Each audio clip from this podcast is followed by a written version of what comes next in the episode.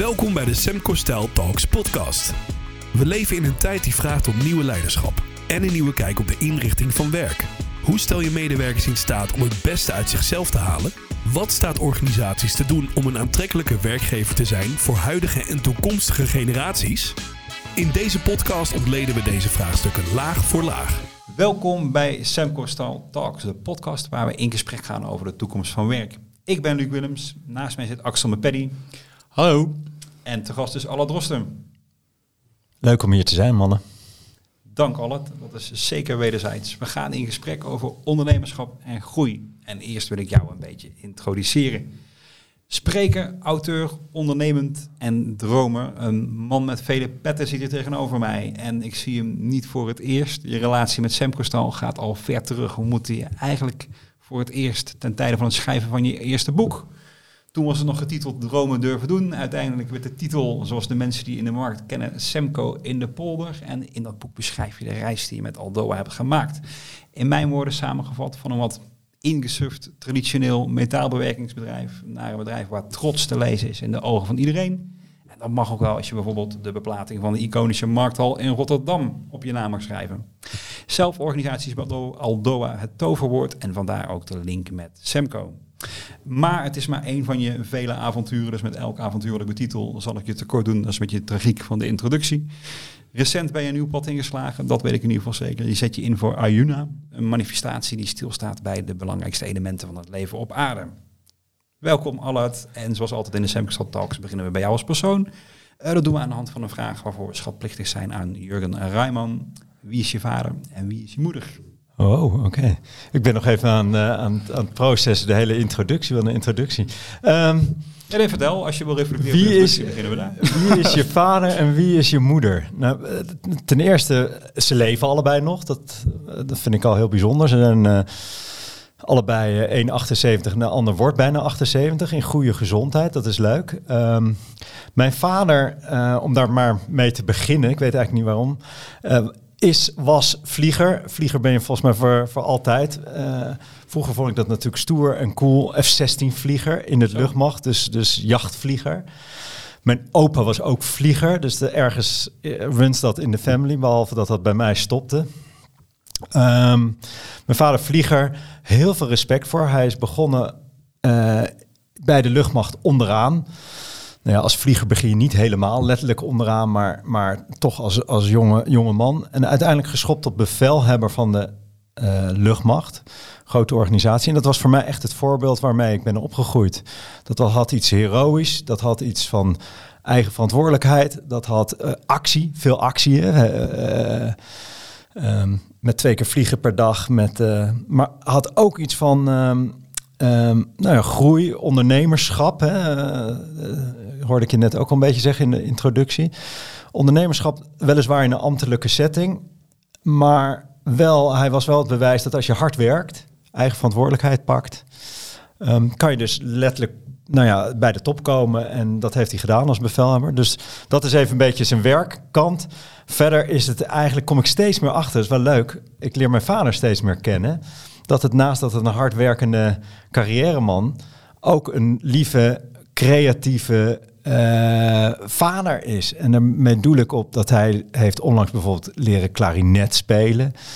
Hij sport nog twee keer per, per week. Hij uh, helpt um, een Pools jongetje met bijles. Hij doet goede doelenwerk in de schilderswerk. En dat allemaal nog op zijn nou ja, bijna 78ste. Zo fotografeert veel, houdt van oude auto's. Ja, ik kan, ik kan over mijn vader kan ik uren ja, praten. krijgt ook vele petten volgens mij. Ja, vele, ja, ja, de vele petten. En uh, dat, is, dat is mijn vader. En, uh, en de laatste tijd steeds betere band ook met mijn ouders. Maar misschien komen we daar later nog wel op. En dan mijn moeder. Ja, mijn moeder is eigenlijk een beetje stereotyp zoals dat was in die tijd, in die generatie. Echt de, de vrouw naast de man.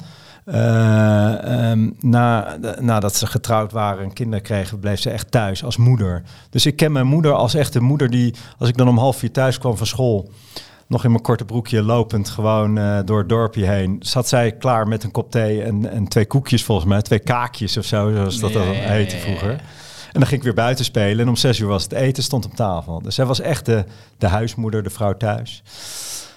Um, en zorgde dat alles draaide. En, um, en, eh, en een van de dingen, ik ben heel veel verhuisd met mijn ouders.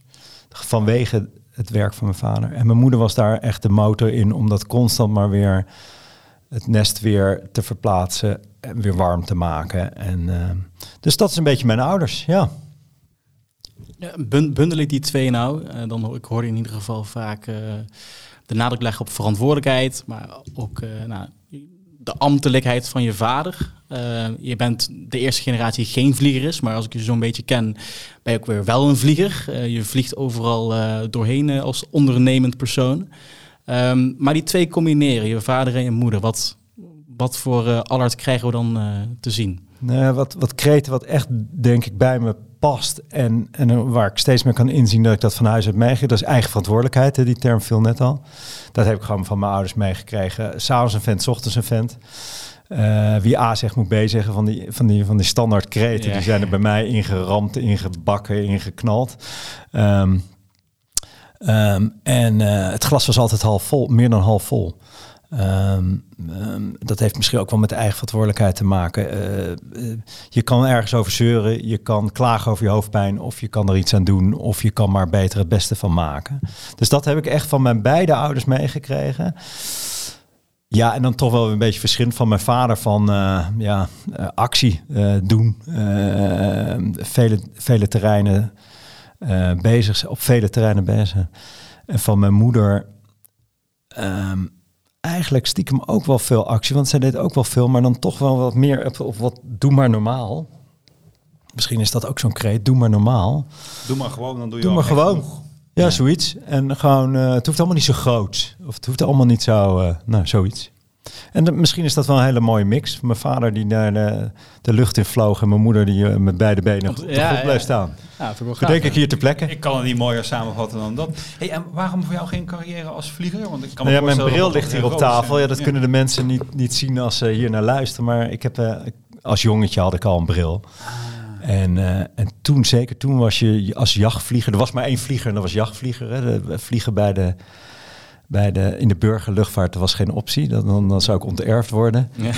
uh, maar jachtvliegen met een bril kon toen in die tijd niet. Tegenwoordig is dat wat makkelijker met, met oogcorrecties, maar toen niet. Dus dat wist ik al als jongetje dat dat nooit iets zou worden. Ja.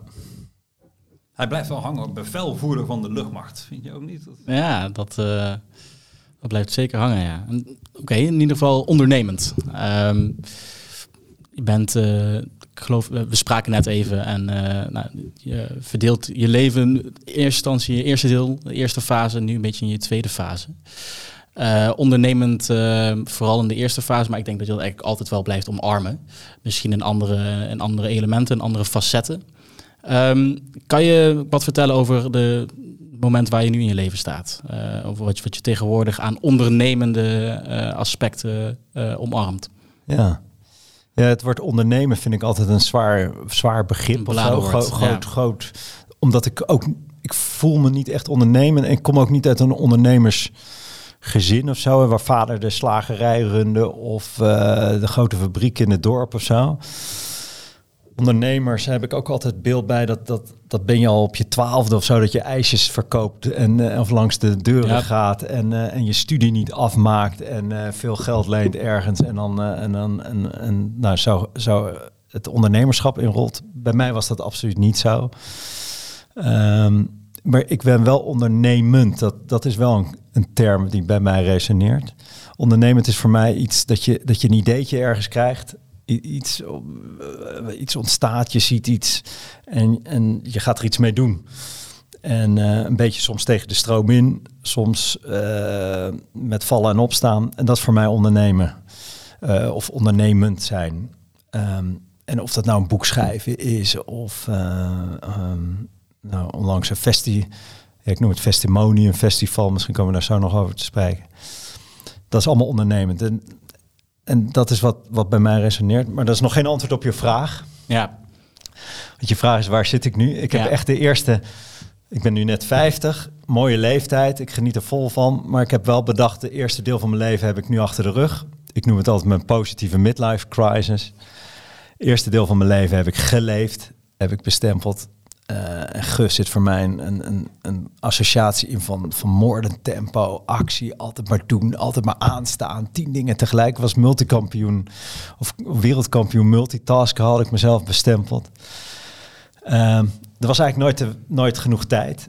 Ehm, en, en zo heb ik geleefd, dus, dus nou, eh, actie en, en weinig in het nu. En ik probeer nu het tweede deel van mijn leven, en zo voel ik dat ook echt. De 40, 50 jaar die ik nog hopelijk te gaan heb, dat ik gewoon lekker mag leven vanuit vrijheid. Van wat ik echt lekker vind, wat ik mooi vind, wat ik leuk vind. En niet omdat het moet.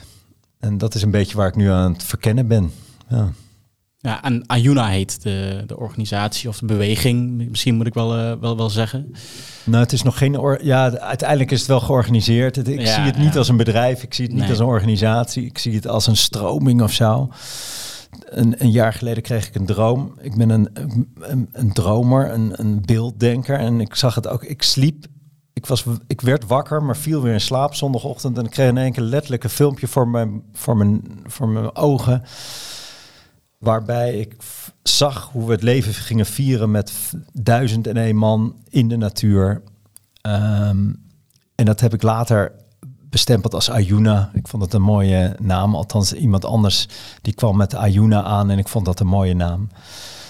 En eh, dat is wat wij twee weken geleden hebben gedaan. We hebben het leven gevierd in de natuur Gaaf. met, eh, met een grote groep mensen. En, ehm, maar het is niet echt een bedrijf of een, het is no, niet commercieel. Het is, eh, het is, ja, hoe moet je dat dan benoemen? Een eh, activiteit of zo? Ja, ik weet het eigenlijk niet. Ja, nou, het begon bij een droom, maar ik kan me ook voorstellen dat het, eh, dat het iets teweeg moet brengen dan misschien. Of, eh, Nou ja, wat, wat- wat ik er wel mooi aan vind om te horen, is dat het... Kijk, je, je, kun- je kan die zoektocht met jezelf, je kan die zoektocht met jezelf aangaan. Hè? Dus eh, in, in het hier en nu leven en verbonden met de natuur en het leven vieren. Maar in jouw variant wordt dat meteen iets met 500 man eh, en, en een vorm van organisatie. Dus die- Ja. Ja, ik heb iets met, Dat en dat is dat toch dat ondernemen Ja. of zo. Dan, dan, dan roep ik dat en dan ga ik weer. Ja, het is ook niet, het moet ook niet groter maken dan het is. Hoor. Maar dan is, ik noem me soms wel eens gekke Henkie. Dan, dan denk ik, ja, weet je wat, ik ga het ook gewoon doen ook of zo. En dan denk ik niet te veel bij na.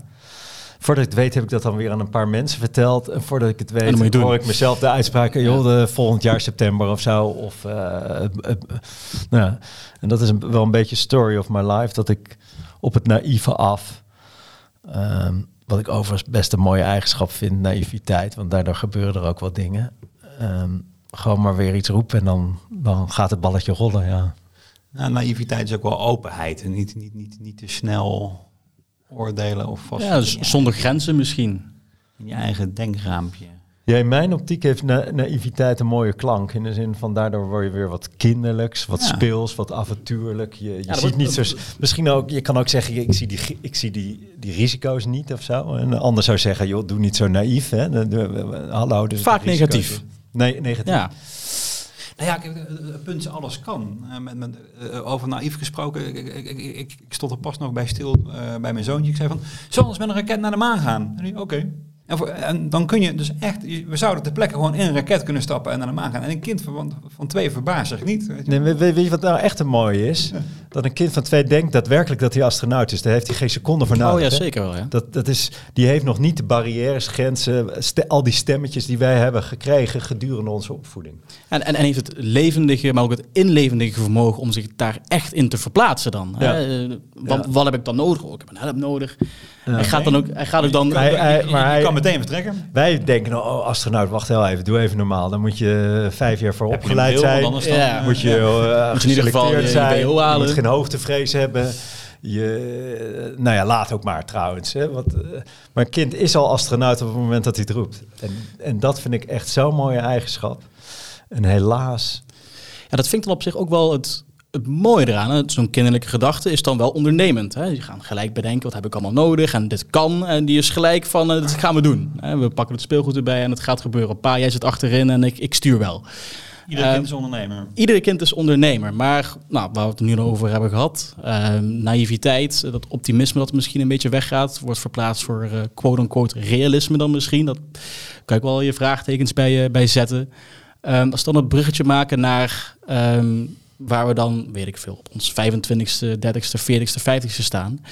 eh, als ondernemend persoon, als ondernemer. Is het ondernemerschap, kan je dan stellen dat het voor iedereen is? Als we dat nu hebben neergezet, nou, we begonnen misschien allemaal als ondernemer, ondernemend.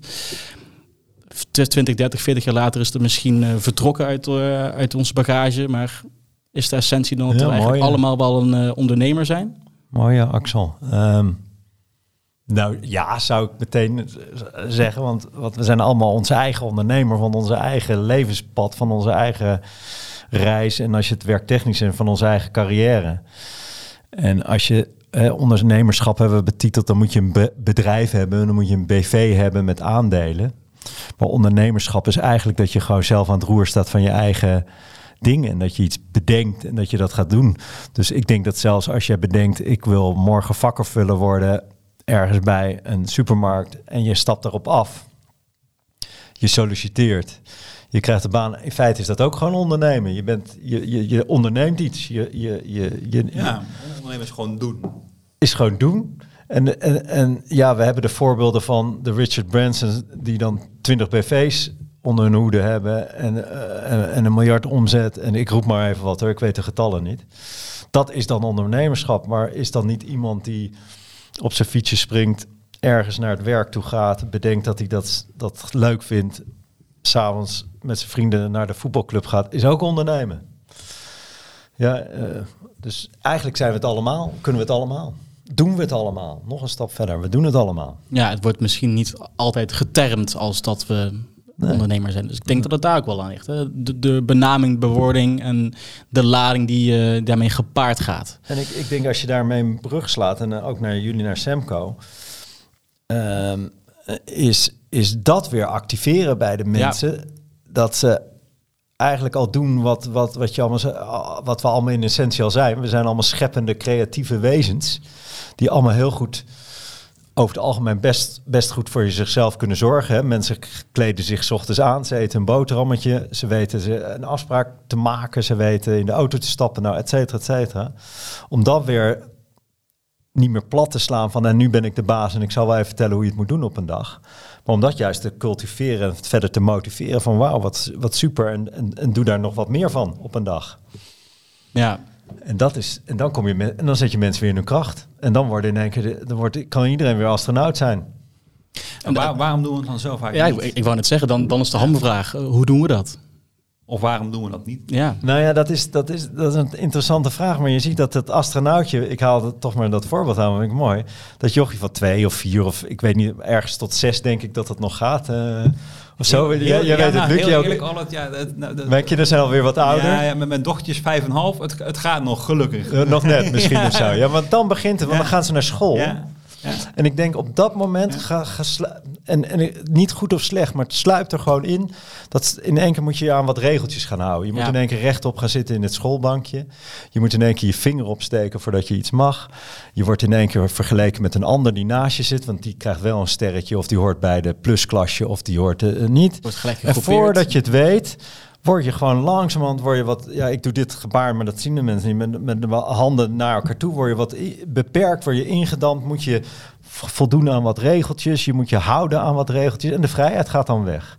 En in één keer ben je niet meer die vrije astronaut die, je- die je hebt. En jij had het net, Axel, over, over realiteit. Dat is wel echt zo'n Hollandse kreet. Doe maar normaal en eh, ben eens reëel. Ja, de vraag is, wie, wat is nou realiteit? Dat jochie van vijf, die met zijn hoofd lekker ergens denkt dat hij in Mars, op Mars aan het rond, rondbanjeren is. En dat inderdaad ook echt denk. En dat ook echt denkt. Het is gewoon zo. Ja. Ik bedoel, hij, hij maakt reuzensprongen met zijn, met zijn laarsjes aan, zijn cape om en, en een helmpje op zijn hoofd misschien. Of, die, of die vader die erbij staat. Nou, joh, die, die, doe normaal joh. We zijn hier gewoon in, eh, in, in Nederland, in Utrecht. En, eh, en eh, ga maar met beide benen op de grond staan. Nou. Ja, dus, eh, Dus het wordt erin. En de vraag is waarom? Een hele goede. Dat is denk ik, gaat van generatie op generatie.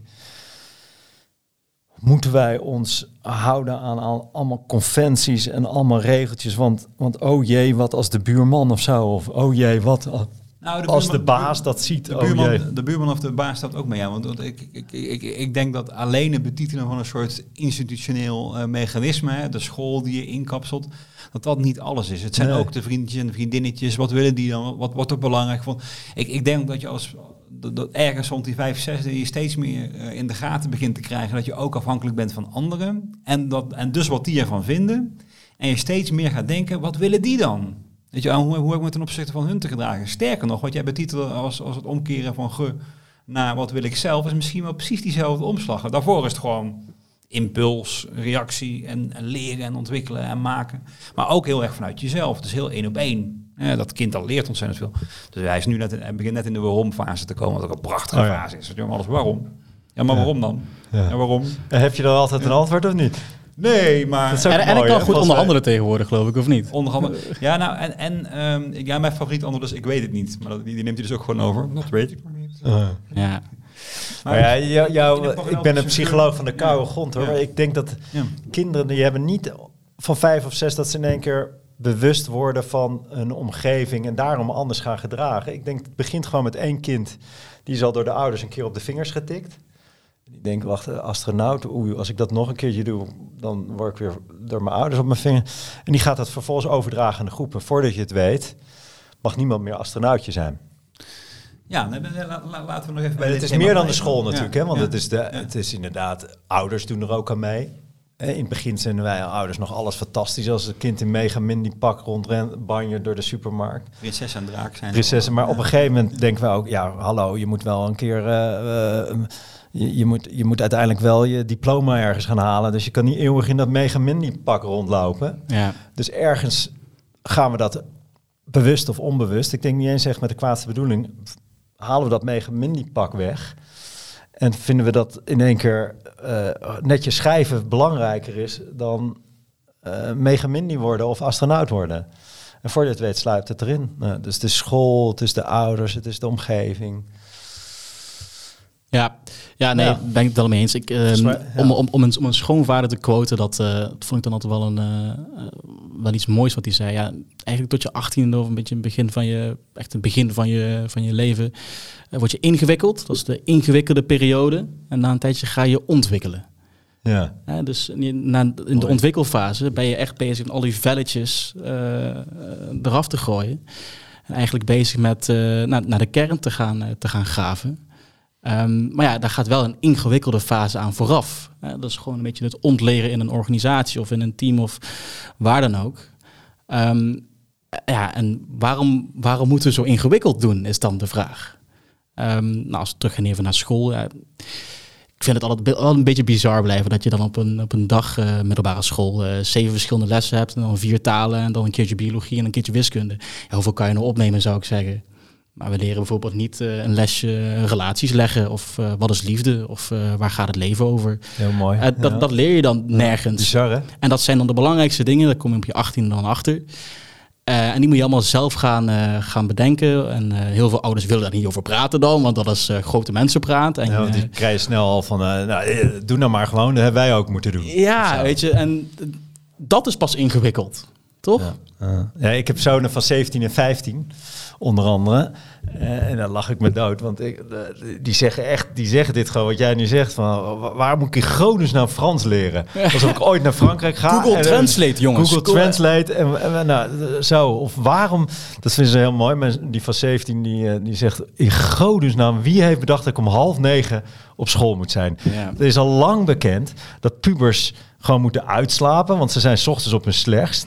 En dat ze tussen, tussen 11 en 4 of zo op hun best zijn. Dus waarom beginnen scholen niet gewoon om 11 uur? Dan kan het ook allemaal veel korter, want in die paar uur dat we wel aanstaan, dan nemen we het ma- Spanningsboog van zes uurtjes, nemen we het maximaal mak- nemen we het makkelijker op. Is iedereen blij? Kan iedereen uitslapen? Nou ja, je kan het bijna niet ongelijk geven, maar toch blijven wij, omdat het ooit al 100 jaar geleden is bedacht, het schoolsysteem, half negen, Frans, Duits, biologie, blijven we dat doen. Nou, eh, het zijn eh, een paar, paar kleine wijzigingen inmiddels, maar grofweg is het nog steeds hetzelfde. Nou, dan zie je een beetje dezelfde eh, frisse gedachte als die Ricardo Semler zo mooi heeft geopteerd. En waar eh, zijn boek ook zo voor veel mensen inspirerend zijn geweest. En, eh, waarom, doen wij, waarom doen we nou eigenlijk zoals we het doen? En, eh, en wat werkt beter voor mensen?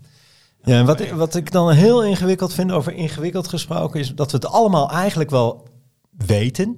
Ik denk dat als je alle kinderen en ouders nu zou vragen, is ons schoolsysteem nou perfect? Is misschien hoeft het ook niet, maar is het nou Effectief. Effectief? Is het nog iets van deze tijd? Is het, past het bij de, de vakken die je behoort te, leren of zo? Ik denk dat de meesten zeggen, nee joh, dat is hopeloos ouderwets achterhaald. Volgens mij kan dat veel anders. Maar vervolgens om het dan te veranderen, dan stopt het. Op, eh, op een paar initiatieven na, maar dat is zo lo- lokaal. En, en, en- Ja, en die, en die na een paar jaar geven die het ook op, want ze moeten toch weer mee in, het, in, het, in de grote mainstream. Ja, dat er zijn geen grote alternatieven in ieder geval. Maar het, ik, volgens mij zit de uitdaging ook altijd in hoe werk je nou met een boel mensen tegelijk. Dat kan in een klas zijn, maar ook in een organisatie. En dan wordt het natuurlijk steeds moeilijker om al die individuen en individuele drijfveren en passies en kennisdingen, om, om daar de juiste ruimte voor te scheppen. Want als je dat alleen maar doet, is het dan nog een geheel. Eh, dus, en- En die, die balans hebben we volgens mij toch altijd te zoeken. In organisaties is het zo. Organisaties worden altijd ingewikkeld uiteindelijk. Eh, was voor, het is volgens mij jouw website toch? Het kan eenvoudig. Maar Ja. dat blijkbaar is dat dus heel moeilijk. Om, Nou ja, dat is volgens mij dat is het allermoeilijkste wat er is. Gewoon keep, keep it simple. We, we eh, ergens zitten ook. Ja, ik weet ook niet waar het vandaan komt. We willen het altijd zo ingewikkeld maken. De kunst is juist om het juist heel makkelijk te houden. En, en, maar dat is juist weer heel ingewikkeld. Ja, Kan je me nog volgen? Nu? Zeker, ja, nee, dus- maar dat is. eh, waar, waar, Eh, het voetbal moet altijd is met moeilijke. maar- maar simpel Ja, ik, ik al, moet ook hè? altijd denken aan Johan Cruijff. Hè? Ehm, moeilijk, Toch moeilijk, voetballen, moeilijk voetballen is hartstikke simpel. ja. Maar simpel voetballen, Ja. Is lastig. Hoe heb je dat in je eigen organisatie, bijvoorbeeld Aldoa, gedaan? Eh, zoals Luc in de introductie zei, een vrij starre organisatie misschien toen, eh, toen jij in, eh, erin kwam. En het is nou, toch wel een succesverhaal geworden. Nou, in ieder geval een, verhaal met veel plezier. En, en plezier is voor mij wel een graadmeter, misschien ook wel voor succes. Succes is niet altijd, altijd hoeft voor mij niet een graadmeter te zijn met, met winst, grote winst of zo, maar we hadden veel plezier over het algemeen. Ehm, nou, dan, kom ik toch terug een beetje op, op weer mijn ouders waarmee begonnen van doe normaal. Dat was bij ons echt een kreet. Waarom altijd zo ingewikkeld? Doe normaal. We zijn allemaal maar gewoon eh, mens en we doen allemaal ons stinkende best. En, eh, en doe normaal. En dat had ik altijd bij Aldoa. Riep ik volgens mij ook vaak hard op. Maar ik dacht altijd, waarom, doe normaal. Waarom moeten we ingewikkeld gaan zitten vergaderen... waar uit ultimo niemand vrolijk van wordt? Ja. Omdat het zo hoort of zo? Of omdat de baas wil iets kunnen afvinken of zo? Ik denk, joh, stop ermee. Ehm eh, beoordelingsgesprek. Er wordt niemand vrolijk van. Niemand, eh, niemand. doe normaal met elkaar een poppenkast. Ik vond vaak een poppenkast, een circus, een opgezette... eh, waarbij het een schouwspel was waar, waar het leek alsof het allemaal klopte. Maar eigenlijk werd er niemand happy van. Het kostte veel tijd, veel papierwerk. En uiteindelijk gingen eh, vaak beide partijen naar huis denken van wat zijn we hier aan het doen. Een soort amateur toneel, toneelschool, Nou, toch? Toneelspelen kunnen we goed volgens mij met z'n allen. Ja, nou ja. Pak zo'n beoordelingsgesprek. Er waren tijden, had ik twintig man onder mijn hoede. Nou joh, dan keek ik, wat een hel was die. Dan kwam die kerst eraan en denk ik, oh, dan moet ik twintig mensen gaan beoordelen. Nou, de ene helft weet ik wel iets van, maar de andere helft moet ik iets van vinden. Maar ik weet eigenlijk niet precies. Ja. Dan moet ik altijd iets goeds aanvinken, maar ik moet ook altijd iets, iets ook nog te verbeteren hebben. Dat, hè, dat Ja, mocht dan ja. niet negatief zijn, maar moest te verbeteren zijn. ja, constructief. Ja. ging ik maar op zoek. Nou, de, de, de, de toehoorders, die twintig, die dachten ook al... oh jee, dan komt straks dat gesprek aan... en dan moet ik weer naar, naar huis met, met een voldoende of een onvoldoende. En ik heeft de baas wel gezien dat ik, dat wel goed heb gedaan... maar dat kon misschien wel beter. I don't. En ultimo waar altijd... was het, was het hard werken... En wa, eh, wat, wat, wa- waar mensen altijd teleurgesteld. Nou, dat is zo'n voorbeeld waar ik denk, wat een poppenkast. Terwijl we elkaar het hele jaar zien. Waarom moet je dan wachten op 22 december omdat iemand bedacht heeft dat je op 1 januari wel of niet een verloonsverhoging krijgt? Want daar gaat het ultimo om.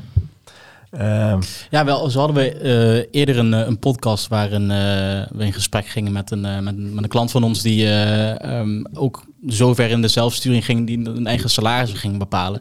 En dat is eigenlijk wat je dus inderdaad niet wil. Je wil zo'n evaluatie of hoe je het ook wel noemt, gesprek, wil je loskoppelen van salaris. Want ja, volgens mij zei jij dat toen. Ja, je wil wel voorkomen dat. Ah, ik ga hem niet te veel complimentjes geven, want eh, anders moet ik meer gaan dokken. krijg je dat, dat, de- dat soort toneelspel. Ja, Ja, ik, weet ik je, had maar- nog zelfs een HR-manager ooit die zei... Allard, weet wel, je mag, en dan weet ik dan niet meer... Je mag van de 100, mag je er 8 mag je succesvol eh, betitelen. Ja, bizar, Eh, toch? 80 goed en, en 10 negatief. Ik zei, hoe kom je erop? Ja, dat is een statistiek en dat moeten we volgens het hele bedrijf, dus dat moet jij ook. Ik zei, ja, maar wat als ik nou 20 succesvolle heb in plaats van 8? Ja, jammer, dan moet je maar iets bedenken. Letterlijk ging dat zo. Oh, god. Ja, ja, ik ja, denk- nou, nou, ik ik hoorde dat voor het eerst bij Deloitte en ik, ik, ik ervoer dat destijds gewoon als een soort enge brainwashing systeem. Het was- Achteraf gezien kijk ik er heel mild op terug, want je leert superveel bij zo'n organisatie. Hoor. Dus in die zin, ik kan het zelfs iedereen aanraden, denk ik. Maar, maar toen ik er zat, dacht ik, wat is dit nou weer? Iedereen wordt hier langs dezelfde lat gelegd. Ja. En met een klokje inderdaad, eh, gewoon een, een statistiek. En dus moeten er tien gepromoot worden Ja. en tien niet. En de rest, eh, die krijgt... Iedereen wordt langs dezelfde meelat gelegd. En Bizar, hè? het En dan- systeem, het systeem is leidend. Misschien is dat ook zo. Ja. En het gekke is dan dat, ja. dus dat, dat je er dus met het hele bedrijf soort van aan meedoet. Terwijl we eigenlijk, durf ik echt te beweren, tot aan de hoogste inrang, als je me echt op de man afvraagt of vrouw, en, en laat voelen van, is dit nou normaal wat we doen? En oprecht zullen zeggen, ja, eigenlijk is het wel gek wat we aan het doen zijn. Ja. Maar, maar we, we zijn het zo gewend en we zijn zo ver doorge, doorge, gedraafd, wou ik zeggen. Is dat Nederlands? Weet ik niet. Ja, dat, ja, dat, dat ja, maar voor lief nemen of zo. Nou ja, en kijk, dat roep ik altijd. Ik, ik, ik weet niet het exacte getal, maar ik geloof dat grofweg twee derde van de medewerkers in Nederland met weinig tot geen plezier naar het werk gaat. ja. Nou, dat heeft allerlei gradaties natuurlijk, hè, weinig tot geen. Maar het feit dat al twee derde, hè, dus dat dat niet een kleine minderheid is. Dus elke dag maar in die tram gaat zitten of op het fietsje of zo. En eigenlijk als je hem op de man of vrouw afvraagt, het het liefst ergens anders zou willen werken. Of op zijn minst eh, een andere baas zou willen hebben. Of, zo. Of voor zichzelf wil beginnen om maar om te ontkomen bizar? aan die baas. Ja. Ja, kijk, en, en zeggen we dan, nou dan, dan toon, wees maar ondernemend en eh, ga op zoek naar persoonlijke groei. Het is de verantwoordelijkheid van die persoon. Of kan, een kan en moet een organisatie hier ook iets in doen?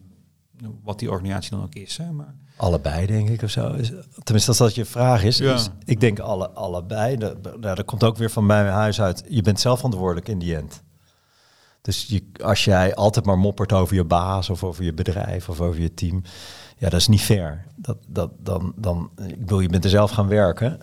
Ehm, je bent er zelf getuige van. Neem dan een beslissing. Of mopper niet. Ja, sorry, maar zo ben ik opgevoed. Of mopper niet. Of, of neem zelf de actie om iets te doen. En, en iets doen kan veranderen zijn, zelf het initiatief gaan nemen of ultimo ergens een andere baan gaan zoeken. Ehm, maar ja, en wat kan, wat kan een organisatie typischerwijs doen om ondernemerschap en persoonlijke groei te...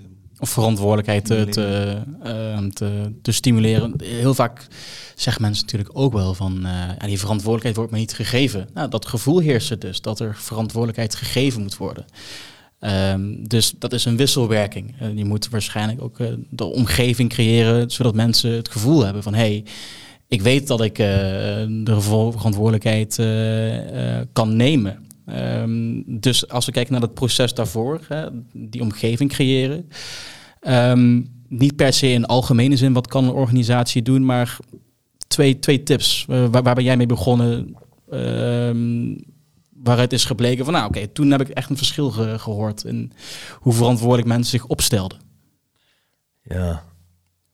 Ja, er is nooit één ding of zo en het is nooit makkelijk. Je zult mij ook nooit roepen, het is makkelijk, van dat is morgen even geregeld. Maar ik denk wel, begin bij een houding. En dat is wel wat je overnight kan doen. En dat is de houding van vertrouwen. Dat is bij mij echt het sluitwoord vertrouwen. Dat jij als leidinggevende, als manager, als baas, als, als nou, gezinshoofd, in welke rol je dan ook zit, dat je het vertrouwen uitstraalt. En vertrouwen is niet iets, iets populairs, dat is niet iets halfs. Dat moet je echt authentiek, dat moet je vanuit jezelf uitstralen. Jongens, vanaf morgen, vanaf vanmiddag gaan we het met elkaar doen. En daar heb ik het vertrouwen in. Ik vertrouw jou, ik vertrouw jou als mens. Ik zie jou staan. Ik, ik, ik ga van het beste uit van jou. En dan gaan we met elkaar aan de slag. Nou, dat, dat, dat tweede deel is, dat is op maat. Hè, dat moet je per persoon, per Ja. afdeling, per team moet je dat op maat doen.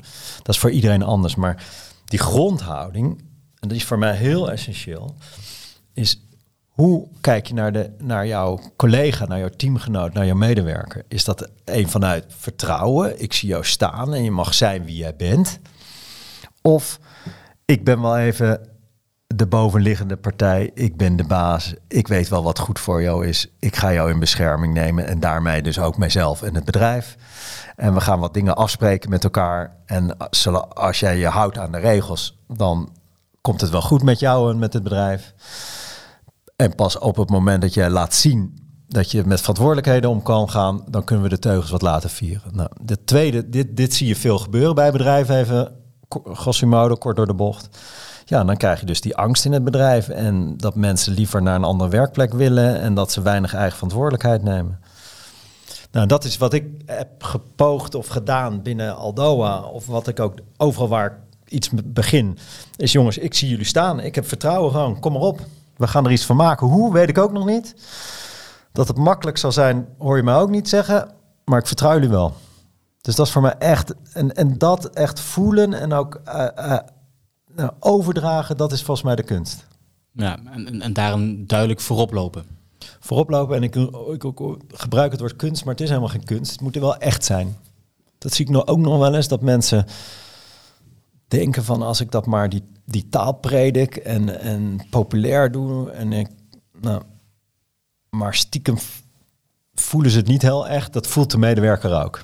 Ja, moet het, moet het in je zitten? Je zegt, ik weet niet of ik het nu goed uh, ja, verwoord. Enerzijds, je kan het overnight doen. Dat, dat, dat, is bijna een keuze die je kan maken. Uh, of moet het al heel erg je, je grondhouding zijn? Nou ja, als het je grondhouding is, dan, dan hoef je eh, denk ik niet naar deze podcast te luisteren, heel flauw gezegd, want dan doe je het al hè, en dan ben je al, ja. ben je, ben je, ben je al ver op weg. Dus, dus voor de mensen van wie dat van nature niet zou hebben, denk ik, um, is, het, is het wel iets wat je dus aan kan zetten. En dan hoef je niet, ik roep het altijd, je hoeft niet, niet zes maanden naar Nijrode, je hoeft niet tien jaar om de wereld te reizen, je hoeft niet op Harvard de moeilijkste opleiding te volgen. Het is gewoon een keuze. Wil ik elke dag starten de dag vanuit angst? Ik noem dat altijd maar, hè, dat is voor mij de tegenovergestelde van vertrouwen. Angst, uitgaan van het slechte, uitgaan van het negatieve, uitgaan van oh jee. Of wil ik de dag starten met, hé, hey, volgens mij zal dit vast goed komen. Ik geloof in de, in de oprechtheid van de medewerker. Ik geloof dat iedereen zijn talenten heeft en zijn steentje kan bijdragen. Let's go for it. Nou, en dat is volgens mij hoe je uit bed kan stappen. Ja, uh, uitgaan van het goede. Ik ook uitgaan van het goede. Als definitie van vertrouwen, die vond ik heel, uh, heel handzaam. En, en ik, ik kan je misschien een tip voor de mensen die niet uitgaan van het goede. Als men kwaad wil, doet men het toch wel. Als er iets misgaat, gaat het toch wel een keer mis. Dus um, daar kan je een heel systeem omheen bouwen en een heel leger aan, uh, aan, uh, aan beschermers in, invoeren, maar dan gebeurt het toch wel. Er, er kwam zojuist even iets, iets me op en uh, dat komt voort uit nou, dat je als organisatie als team bij elkaar komt en of misschien is het bijna 22 december en daarna ga je de plannen maken voor het komend jaar. Um, en dan ga je waarschijnlijk terug naar de reden voor, uh, voor het bestaan van je organisatie, de raison d'être. Uh, die wordt vaak gedefinieerd. Um, die ben ik ergens op zich wel benieuwd. Als ik nou drie concepten uh, benoem, en daar wil ik dan graag je reactie op. hoe bepaalde organisaties ehm, dat, zo, dat zo doen. dat is in eerste instantie een missie. Een droom. Tegenwoordig heb je ook een big, hairy, audacious goal. ben ik benieuwd.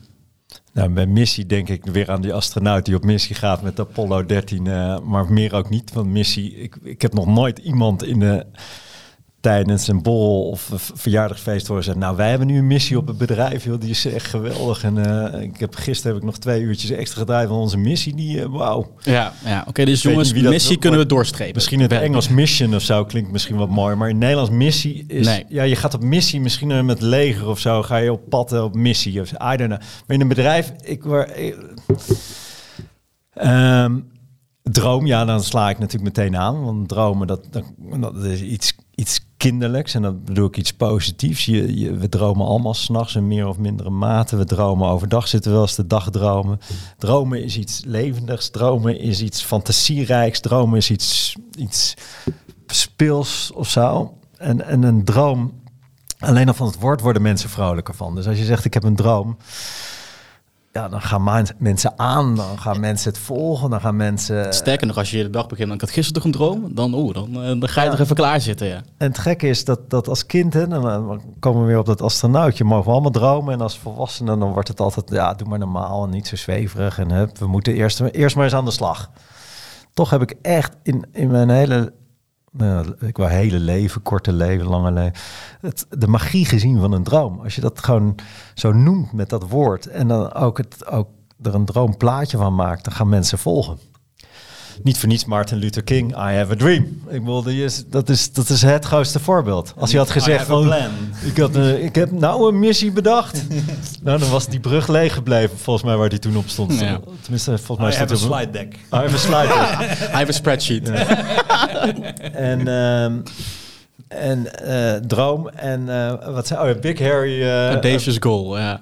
Auda- ambitious goal. Ambitious, ja. Wat is het? Ja, Collins. Eh, Geen idee. Nou, daar ben ik een beetje dubbel in. Dat is van mij mag je wel dat die koppel ik toch weer even stiekem aan die droom. Als je die droom mag van mij groot zijn, hè? Dat is die die die, die big BHAG is het, hè, geloof ik. De B-hack. B-hack. Oh ja, dat is ook zo, zo. wordt hij vaak genoemd. B-hack. Ja, B-hack. Wat is jouw B-hack? Het gek is, ik heb daar dubbel gevoel bij. Als, van mij mag je heel groot dromen. Dan mag je echt, echt iets zeggen van, wauw, dat gaan we doen.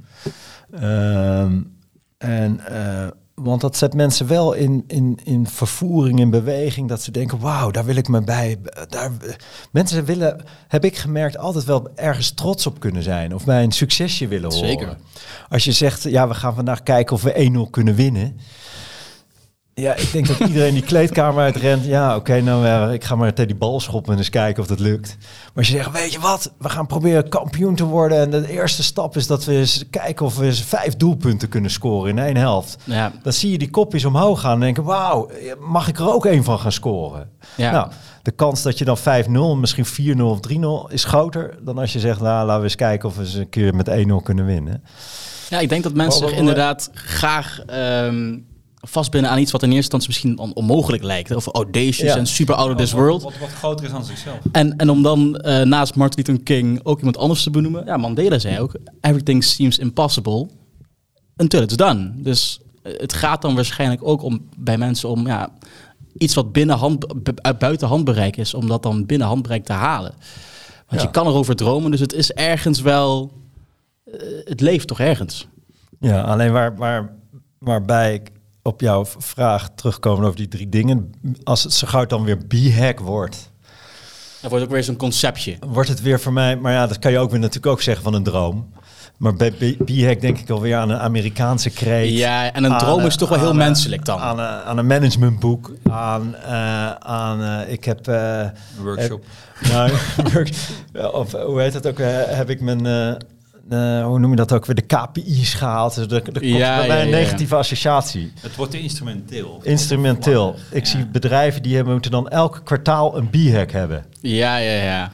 En als ze het niet halen, dan, eh, De B-hack evaluatie dan elk half dan jaar. moeten ze, moeten ze eh, nou, hebben ze straf. En als ze het wel halen, is er een feestje georganiseerd. Maar dat wordt voor mij dan zo'n Gemaakt. Weer zo'n kwartaalding, alsof je... Of, of, nou, het ligt... Maar ik denk met alles is het, is... het is maar hoe je het aankleedt en met welke lading je het geeft. Maar, Ja, maar die er is niks is mis mee ja. om met elkaar naar iets moois te streven.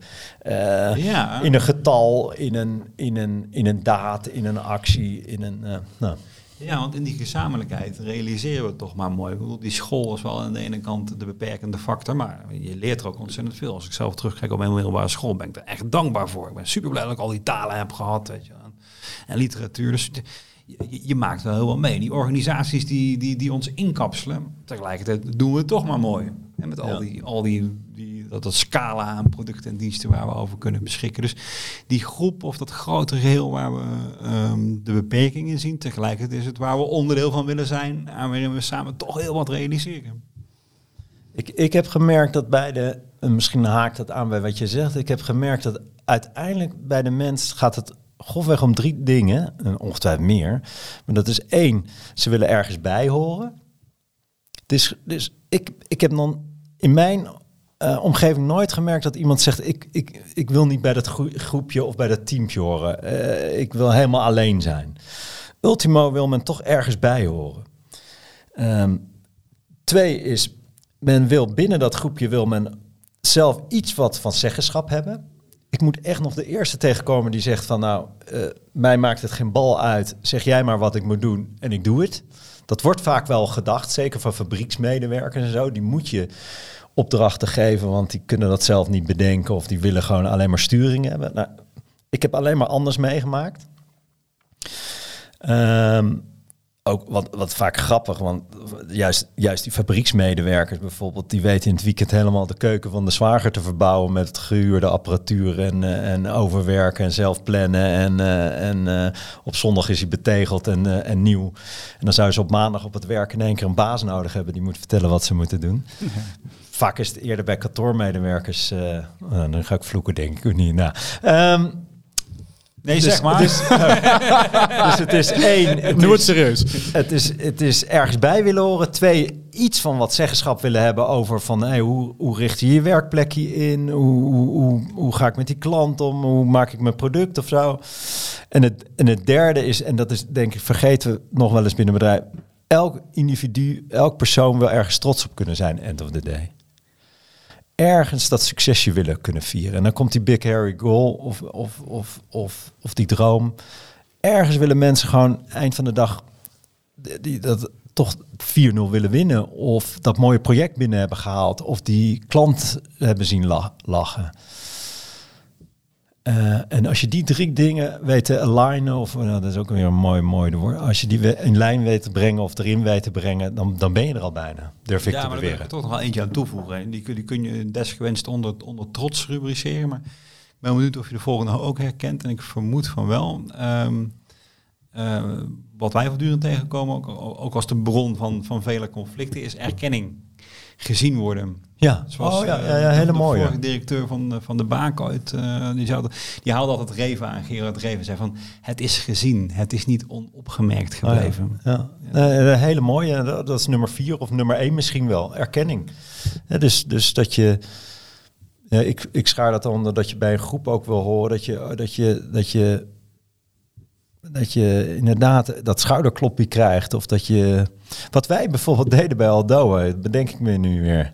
Dat was echt. Dat, ik weet niet wie dat bedacht had, maar dat was meestelijk briljant. Dat was onze kerstborrel, was daarvoor altijd bowlen en bier drinken. En dan gingen we weer het nieuwe jaar in klaar. Totdat iemand bedacht. Waarom gaan we niet? En we maakten gevelbekleding voor, voor bijzondere gebouwen. Weet je wat we doen? We huren een bus. Echt zo simpel was het. We huren een bus en dan gaan we met z'n allen. In het begin was dat met 13 man, op een gegeven moment 20 man, 50 man. Op een gegeven moment bus, één bus, twee bussen. En dan gaan we naar de stad van het jaar. En dan hadden we bedacht welke stad we de meeste bouwwerken dat jaar hadden gedaan. En soms was dat Utrecht en de andere keer was dat Amsterdam. En dan was het weer uh, uh, Rotterdam. Dan gingen we met een bus gewoon een tour langs onze eigen opgeleverde projecten. Ja. Nou, Joke, een beetje stereotyp, zorgde uh, en Anouk zorgde voor lunchpakketjes. En dan zaten we in die bus. Ik, bijna stomzinniger kan je het niet bedenken. En dan zaten we dus met z'n allen. Dus niet alleen maar het management. We hadden we niet eens, want iedereen was management. Niet alleen met fabriek, want uh, alles ging bij ons kriskast door elkaar. Maar dan zat je dus met Sietse, die het paneel had gemaakt. Met Jury, die het paneel had verkocht. Met uh, Richard, die het project had geleid zaten we met z'n allen in die bus en dan gingen we naar project 1. Nou, dan stapten we uit uit die bus. Er gebeurde helemaal niks bijzonders. Anders dan dat we allemaal uitstapten en dan stonden we allemaal, ja, ook dit kun je niet zien, keken we omhoog naar het gebouw en dan stond de een een beetje checkie te draaien en de ander stond ernaast en dan, wauw, hebben we het toch mooi gedaan met elkaar. En dan kreeg de ene schouderklop, wauw, hoe jij dat paneel toch hebt weten te, te, te maken, ondanks dat hij rond en raar en, en, en krom, is, uh, krom was. Oh ja, maar jij hebt het super verkocht hoor.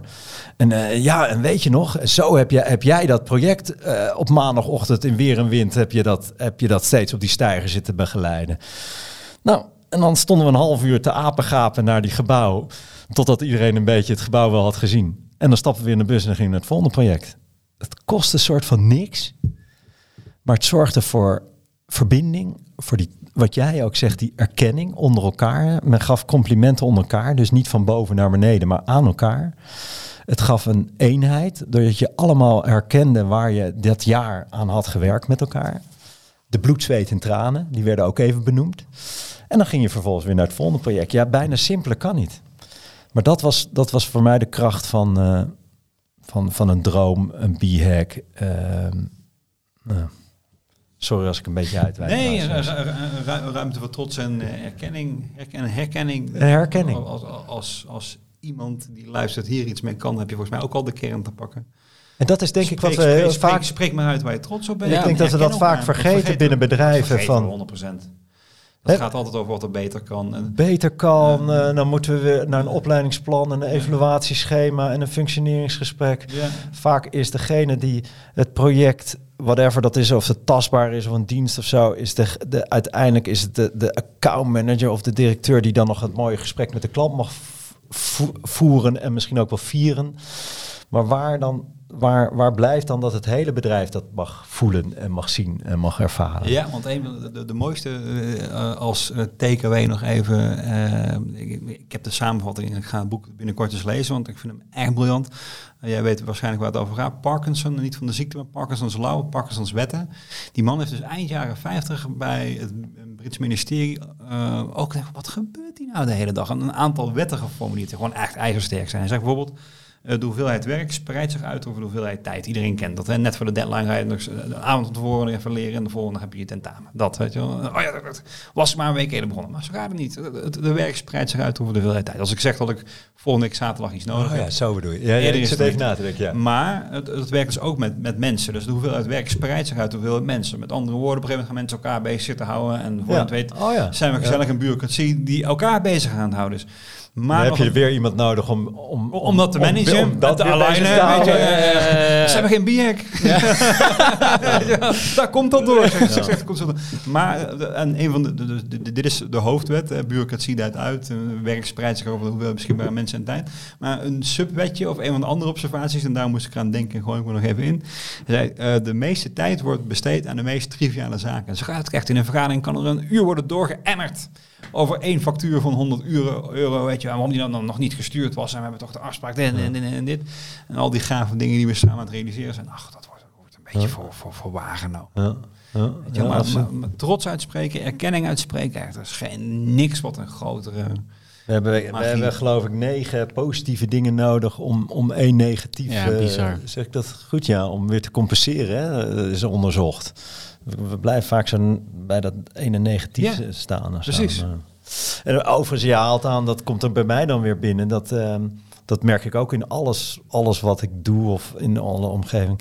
Dat, en dan kom je ook weer terug op mijn opvoeding. Is hard werken is niks mis mee. Hè? En er is niks vies aan. Hard werken, sterker nog. Ik heb gemerkt bij Aldoa dat hard werken zorgt juist voor die deadline. Zorgt voor creativiteit. Dat zorgt voor elkaar gaan, gaan helpen. Dat zorgt voor dat kinderziektes eruit gaan. Dat zorgt voor, voor, voor oplossingen. Uh, en dat men dan ultimo hard werken men leuker vindt dan uh, dat uitspreiden over die tijd. En we kijken wel en we zien wel. En met, als we maar genoeg mensen hebben, dan redden we het wel. Uh, meer mensen vaak nodig. meer mensen nodig. Vaak werd, waren dat de momenten juist dat mensen juist uh, minder lol kregen in hun, in hun werk. Of, of nou, meer reden hadden om te klagen. Of, nou. Dus ja. Ik weet niet meer hoe kwamen we hierop, weet ik niet meer. Nee. Ah, maar dat betekent dat we een Parkinson. leuk gesprek, ja, Parkinson. Ja, dat betekent dat we een leuk, een leuk gesprek aan het hebben zijn. Het wordt alweer tijd om richting de afronding te denken. Um, hoe, en er zijn een paar vragen die we daarin altijd meenemen. Um, hoe hoop jij dat de toekomst van werk in de termen van organisaties zich uh, ontvouwt vanaf hier? Wow, dat is een grote vraag, uh, Luc. Ja, maar we hebben nog één minuut. Dus. Oh.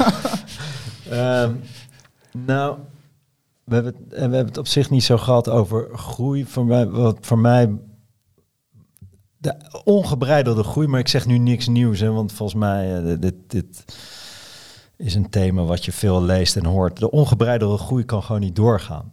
Dus bedrijven die alleen maar bezig zijn met die big hairy goal in termen van groeien, elk kwartaal moeten we maar weer meer en nog meer en nog meer. Ik geloof er gewoon niet in. Dat, dat, dat, eh, ik, alles wat ik doe en heb gedaan is altijd langer termijn. Dat is, ook, dat is overigens ook zo'n ding. Ehm langer termijn. Als je, als je, we hadden het over vertrouwen in een bedrijf. Ik, ik hoop zo dat iedereen juist met langer termijn ook alles doet wat hij doet. Dan blijven de mensen ook langer bij, bij, bij het bedrijf. Dan blijven klanten langer aan, aan het bedrijf verbonden. Maar langer termijn. En dan geloof ik niet in dat groei maar ongebreideld kan. Sterker nog, dat groei moet. Ik zou het veel meer toejuichen dat het bedrijf groeit over hele andere assen. En assen is dat medewerkers het steeds leuker beginnen te vinden. Dat klanten uit zichzelf naar een bedrijf toe komen. Dat je ze niet hoeft te werven met dure campagnes. Dat, uh, dat je een gaaf product of dienst maakt waar je, waar je, waar je iets, de wereld net iets beter of leuker maakt. Um, en dat is voor mij waar bedrijven naar mijn idee naartoe moeten. En dan krijg je automatisch dat er niet meer zo hard hoeft te worden gewerkt op fronten van hoe hou ik mijn medewerkers bij me. Hoe krijg ik nog elk jaar weer nieuwe klanten? En dan doe je de goede dingen. En volgens mij als dat in je DNA zit, dan ben je een leuk bedrijf om, om, om toekomstbestendig te zijn. Ja, het is misschien wat vaag. Um, maar, en, en waar, ja, ik, ik droom nog wel eens van bedrijf 3.0. Aldo was voor mij een beetje 2.0. Maar uiteindelijk was ik daar nog steeds wel de aandeelhouder. Een van de aandeelhouders waar nog steeds wel die verhouding medewerker-werkgever. Ja. Hoe mooi ik het ook had gecreëerd met weinig regels. Voor mij is 3.0 is echt gewoon met een groep mensen iets, iets moois doen. Zonder dat er een BV moet zijn. En zonder dat er aandeel, aandelen moeten zijn. En zonder dat... Het is van iedereen. En daar ben ik misschien wel een dromer in. En utopisch in. Maar uh, dat, dat zou ik zo mooi vinden. Ja prachtig haakje en, voor de en waar winst ook, ook helemaal niet nodig is. Je, je, iedereen moet er gewoon een leuk salaris uit kunnen halen om zijn, om, zijn, om zijn dingetje te kunnen doen. En het bedrijf moet gezond zijn, maar meer ook niet. Ja, of, en, winst, of winst anders geformuleerd wordt. Of anders geformuleerd. Anders ja. dan Weet jij een financieel. formule? Ja, zeker niet. Maar um, um, um, wanneer win je als mens, wanneer win je als organisatie als je dat loskoppelt van, van financiële winst? Streef daar dan naar. Ja, ja heel mooi. Dat, en, en uh, ik denk dat Ultimo is bij vele bedrijven, als je alles weer af, afpelt, komt het toch uiteindelijk over van hoeveel hebben we verdiend dit jaar Ja. in, in euro's. En het zou zo mooi zijn als er eens een ander, ander getal onderaan die streep staat, wat veel belangrijker is. Hoeveel medewerkers hebben een leuke baan verzorgd dit jaar? Hoeveel, uh, hoeveel uh, klanten zijn helemaal happy? Hoeveel, uh, hoeveel minder schade hebben we aan het milieu berekend? Dat zijn veel leukere getallen. En ik denk veel, op lange termijn veel houdbare getallen. Maar wat en hoe? I have no idea. En daarmee hebben we een prachtige afsluiting van een mooi gesprek. Allard, hartstikke bedankt voor jouw deelname aan Semco Staal Talks. Semco Style Talks. Werken in de wereld van morgen.